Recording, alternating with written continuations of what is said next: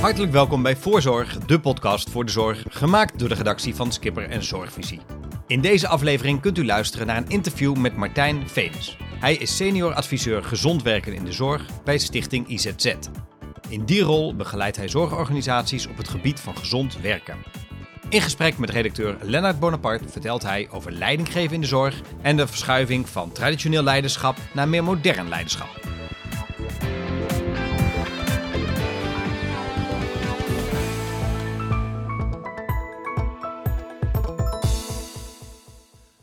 Goed, Martijn Venus. Um, ja, welke type cliënten uit de zorg uh, ziet u zoal? Uh, wij zien uh, een paar verschillende mensen uit de zorg met wie we veel werken. Dat zijn uh, leidinggevenden van alle niveaus, directe teamleiders of eh, managers, ook raden van bestuursleden af en toe. En in de tweede plaats heel veel HR-adviseurs of teamcoaches, of mensen die vanuit de stafrol de organisatie ondersteunen. Ja, en in uw werk, wat was zo'n beetje de grootste verandering die u heeft kunnen bewerkstelligen? Vanuit ons werk. Um, nou ja, als ik het wat zakelijk algemeen noem. Wij hebben de afgelopen vier, vijf jaar op basis van wetenschappelijk onderzoek een interventie ontwikkeld. En we hebben bij, ik denk, bijna 80 zorgorganisaties die mogen begeleid mogen invoeren. Dat hebben die organisaties vooral zelf gedaan. Maar de omvang van uh, 80, nou, daar werken toch gemiddeld duizend mensen. We hebben als missie als IZZ 1 miljoen gezonde zorgmedewerkers en mijn teller staat wij spreken op uh, 80.000. Ja, en in een eerder interview met uh, mijn collega Samira Ali heeft al gehad over gezond uh, leiderschap en hoe belangrijk dat is. Uh, is er nu al meer sprake van gezond leiderschap in het zorglandschap? Ja, onmiskenbaar. Ja, ik zie het, ik voel het, ik hoor het. Ik zie het niet in cijfers nog direct. Als we zouden moeten afgaan op ziekteverzuim of verloop, wat sky high gaat deze dagen in de zorg. Maar als je luistert en kijkt, dan zie je vanzelf dat uh, er een beweging op gang is. Een bottom-up beweging waarin nieuwe generaties, nieuwe medewerkers, nieuwe teamspirit. Ja, eigenlijk bottom-up stuurt op. Uh, wij willen gehoord gezien worden en we willen betrokken worden. En dat moedigen wij aan. Niet zozeer vanuit een vakbondsrol of zo, maar meer vanuit een uh, perspectief van continu verbeteren. En wij helpen leidinggevenden om uh, dat te hanteren en zelf ook in mee te gaan. Ja, als we dan kijken naar je trainingen zelf, waar ligt daar de focus? Nou, daar komen we denk ik nog op, maar wij maken vooral ook uh, proberen bewust te maken van inzicht in de verschillende stijlen of rollen die er zijn. Dat is niet nieuw van IZZ of zo, dat heet situationeel leiderschap, 30, 40 jaar bekend. Alleen in de zorg op sommige plekken nog erg nieuw om daadwerkelijk in gedrag in je teamleidersvergadering ja, gewoon tot uitvoering te brengen, zie ik. Niet overal in de zorg. Er zijn heel veel variatie. Je komt soms op plekken waarvan je leidinggevende spreekt. Dat je denkt, ja, wat, wat prachtig. Ik zou die training uit ervaring kunnen geven die ik geef. En op andere plekken hoor en zie ik, laat ik zeggen, traditionele ja, of, uh, vormen van leiderschap die nog traditioneel zijn. Die niet meer passen bij uh, alle situaties of deze tijd. En wat zou je daarin willen veranderen? Uiteindelijk nogmaals, onze missie is gezonde zorgmedewerkers. Er zijn een heleboel dingen voor nodig. Ik zie heel veel in cao's tot soms mijn uh, ja, professioneel verdriet, als ik dat mag zeggen, de medewerker. En pas goed op jezelf. En uh, beweeg veel. En doe een mindfulness. En hier staat de fruitschaal. Ik zeg echt een beetje cynisch, niet zo bedoeld, want ik vind het prachtig. Maar dat is maar uh, een derde van de taart. Ja. Van het feest dat je kan vieren met elkaar. Een veel groter stuk of veel meer potentie zit in het systeem. En dat bedoel ik hoe werken wij samen met elkaar? Hoe hebben wij de stip op de muur gezet? En wie geeft hoe invulling om de kwaliteit van zorg te verbeteren, de ziekteverzuim te verlagen, het verloop te verlagen, om uh, corona te hanteren, whatever, wat er speelt. Dus um, ja, wat we vooral willen brengen is gewoon bewust maken in de vorm van inzicht. Waarin kan ik eigenlijk variëren? En wij werken met het model van inzicht en actie. Maar ook en hoe kan ik dat morgen in een heel klein stapje proberen? Er is een kennisinstituut dat werkt op basis van wetenschappelijk onderzoek.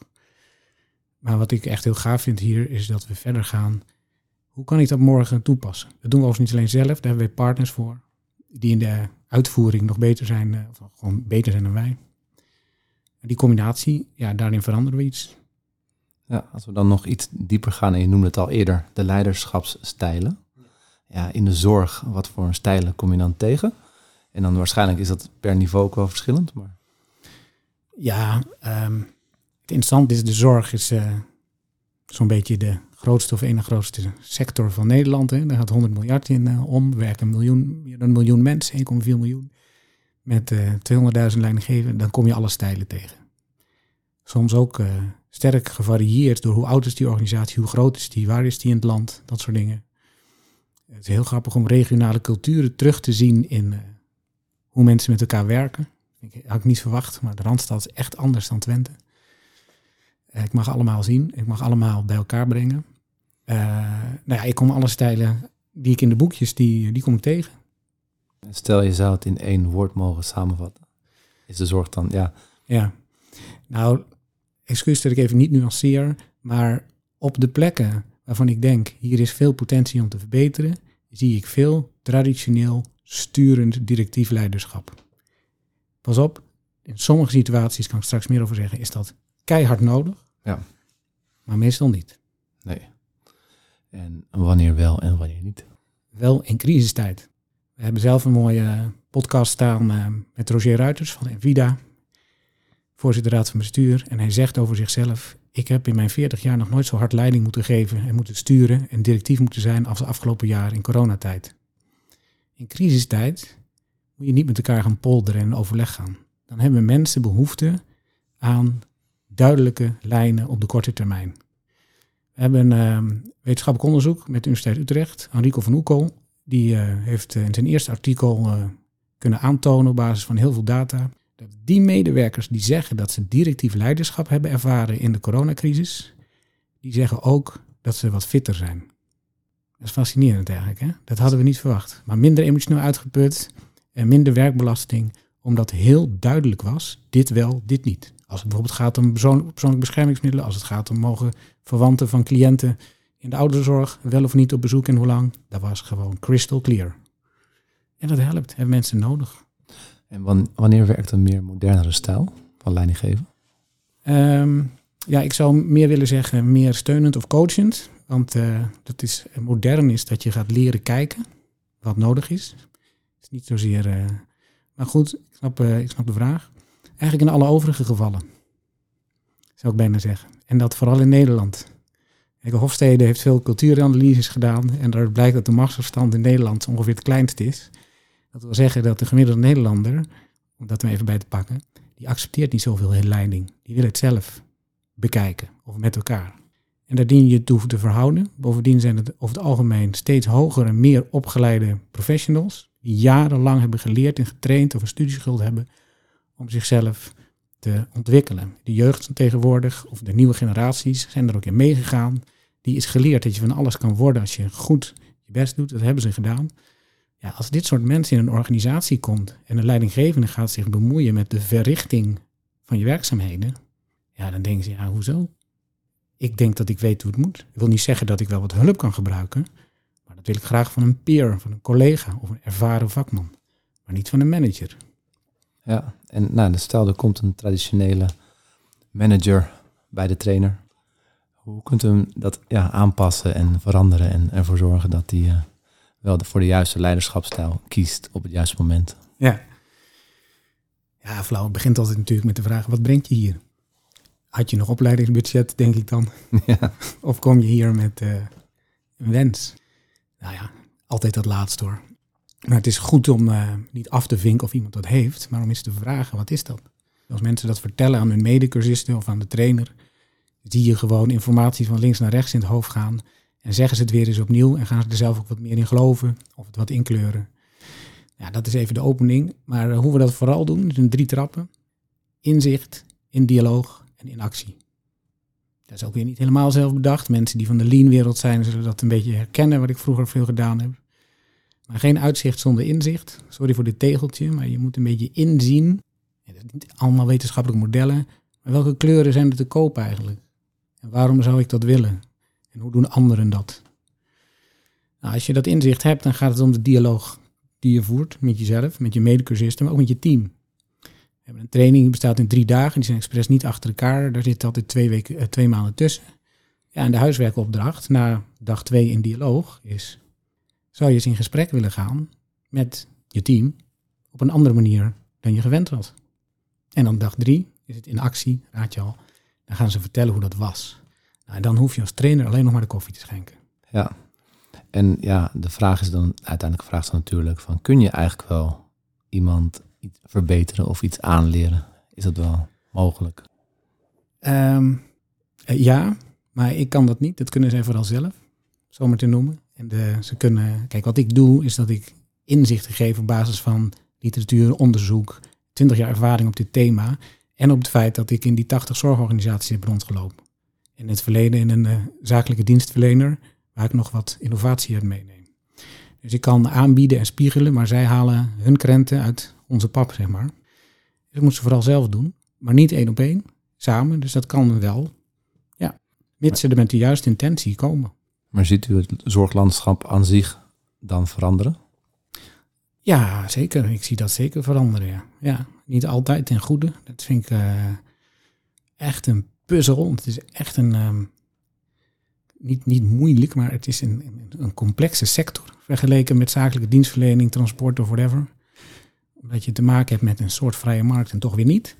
Hè, de, half overheid, half niet. Dus dat maakt het allemaal complexer. Het gaat over hele grote thema's over leven en dood. Maakt het ook complexer. Uh, maar goed, over het algemeen zie, je, zie, zie ik een verandering. Um, en dat is niet zozeer omdat mensen in onze training gaan of zo, maar dat is ook een soort evolutie. Hè? Je ziet, wat ik net al zei, bottom-up, dat er langzamerhand mensen gaan zien dat tijden zijn aan het veranderen zijn. Dus één ding, in de zorg duurt het langer dan op andere plekken. En dat komt omdat de zorg traditioneler is? Of? Um, ja, dat fascineert me. Ik heb daar geen wetenschappelijke onderzoeken over uh, paraat, maar wel mijn uh, intuïtie. Ik denk dat het te maken heeft met een stukje inertie. En dan bedoel ik, uh, volgens mij is de zorg een van de oudste sectoren van ons land. Hoe lang zijn er wel niet instituties waar mensen verzorgd worden? Dat betekent dat er heel veel tijd is ontstaan om bepaalde patronen ingesleten te krijgen. Bijvoorbeeld hiërarchisch sturen of uh, uh, zeer professionele ma maatstaven over kwaliteit. En dan, nou ja, dan krijg je een beetje het beeld van uh, de olietanker. Dat duurt langer voordat die koers verandert. Ik ben afgestudeerd um, naar hetzelfde onderwerp in de IT. De IT-sector, nou, die bestaat niet. De IT-branche is onderdeel van de zakelijke dienstverlening. Is 20, 30 jaar oud. Die konden later instappen. Die hebben zich kunnen oprichten naar aanleiding van de laatste wetenschappelijke uh, ervaring, best practices en theorieën over human resource, human being, human talent management. En ik heb echt die jongens geïnterviewd over hoe zij vonden dat hun werkplezier was. En dan hoorde je echt een ander geluid. Dus jonger, konden later instappen, zijn wat wendbaarder. Het is wachten totdat die 200 jaar oud zijn. Dan gaat daar ook natuurlijk iets inertie ontstaan. Maar het complex en de zorgen zijn die eerste dingen noemen. Het andere is dat het een, ja, een, een, er is wat opgebouwd. Even overigens ook ten goede, zeker in Nederland. Als je een wereldbevolking vraagt hoe vind je de kwaliteit van zorg in je eigen land, geeft Nederlanders al jaren een 7,5 of hoger. En dat is in de top 3 van Europa of zo. Er is ontzettend veel theorie over leiderschapstijlen. Hershey en Blanchard hebben mensen misschien gezien. Um, onze promovendus heeft het vooral over um, uh, leiderschap van mensen in het algemeen. Het gaat over uh, empowering leiderschap, hè? empower je mensen, misschien een beetje traditioneel de leidinggevende. Maar het gaat ook over gedeeld, gedeeld leiderschap. Zijn wij als team hier nou met elkaar bezig om regie te pakken over wat wij willen? En de derde is zelfleiderschap. Ben ik loyaal, heb, ik, heb ik voor mijzelf richtinggevende principes? Of uh, doe ik wat ik leuk vind, praktischer te maken? En daar gaat de training in. Wat ik voor dit moment even kan noemen zijn de drie stijlen die we in de actiestand noemen. Ben ik nou een manager van het team? Ben ik de leider of ben ik de coach? En die drie stijlen, ik uh, geloof erin dat um, goede leidinggevenden of mensen die leiderschap vertonen, die drie stijlen, als het nodig is, binnen één vergadering van een uur kunnen toepassen als dat het vergaderdoel dient. Dus echt kunnen switchen. In het begin, dit is de bedoeling van het uur. Dit is waarom wij dit probleem moeten tackelen. Leiderschap, stil op de muur. Hoe gaan jullie dat tackelen? Niet wij, want dan is hij weer onderdeel, maar hoe gaan jullie als team dat tackelen? Wordt die coach. En de manager zorgt dat er goede koffie is en dat er een goede ruimte is. En die doet de regeldingetjes. Een klein voorbeeld, maar constant switchen tussen die drie stijlen. Dat is iets wat we leren in die training, waarmee je ook gaat oefenen. Het moeilijkste voor al die leidinggevenden is om op hun handen te gaan zitten. Dat is iets wat ik als stijl zou willen meegeven. Kijk eens of je ook wat eens op je handen zit. Ja.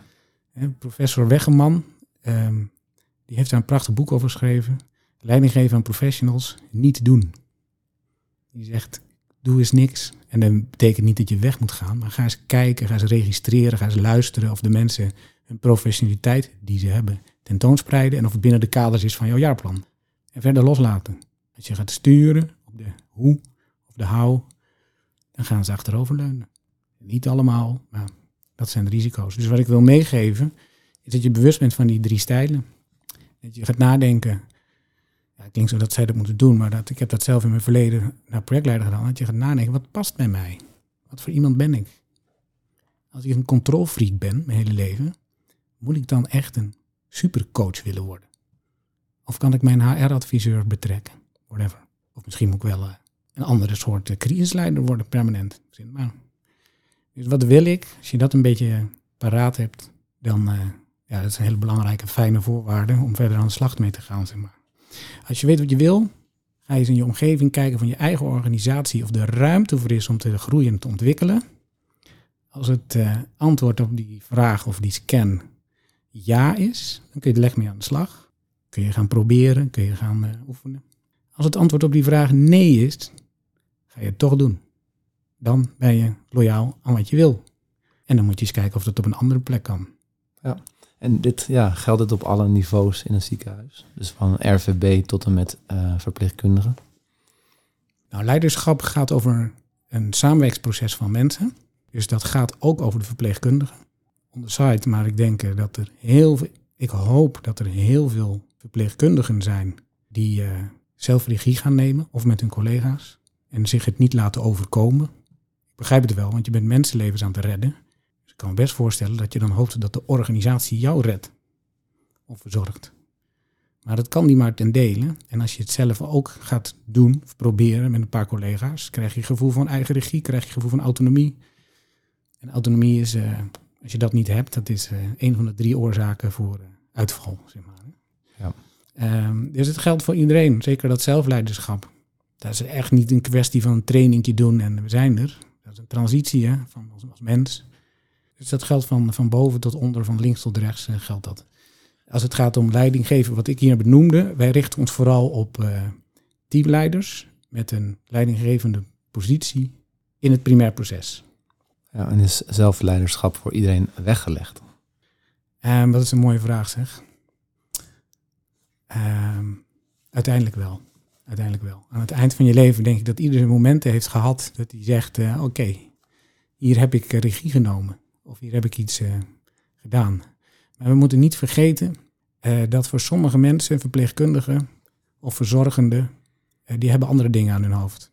Als ik verzorgende niveau 2 ben en ik moet parttime werken, omdat ik alleenstaand moeder ben of wat dan ook, dan heb je volgens mij niet zo heel veel te doen of ik kan me voorstellen dat het echt even heel ingewikkeld is om over dingen als zelfleiderschap na te denken. Dan denken mensen na over, krijg ik de rekening van deze maand betaald? Ja. Dus dat, dat, dat, dat moeten we niet vergeten. Hè? Dus als ik in de nieuwe ziekenhuis-CEO zie staan, die, uh, waar het conceptakkoord van rond is, zijn prachtige dingen, vooral over salaris. En dat is nodig. Maar als ik, ik scan natuurlijk al die CEO's altijd op, hoe, hoe zit de geest van gezond werken hierin? En dan zie ik heel vaak de medewerker, de medewerker, de medewerker ja, dan denk ik niet de, de werkgever dan. Hè. Dat zijn van die werknemer, werkgever termen. Ik denk, maar hoe ga je gezamenlijk dit doen? De gehandicapte CEO's lezen, die lees ik anders. In gesprek met elkaar en dat soort dingen. Uh, dus ik kan me voorstellen dat uh, in sommige fasen van hun leven of vanwege privéomstandigheden sommige zorgmedewerkers een beetje aan het overleven zijn. Ja, ik denk dat er heel veel steun dan nodig is, menselijke steun. Maar er komen altijd tijden dat iedereen zich de vraag weer kan stellen: doe ik waar ik in geloof. Dankjewel, Martijn Venus. Graag gedaan. Tot zover deze aflevering. De montage was in handen van Ties Timmers. De muziek is gemaakt door Bram Brouwers. Vergeet niet u te abonneren om op de hoogte te blijven van nieuwe afleveringen. Bovendien kunt u ons ook beluisteren via skipper.nl of zorgvisie.nl. Voor nu, hartelijk dank voor uw aandacht en heel graag tot de volgende voorzorg.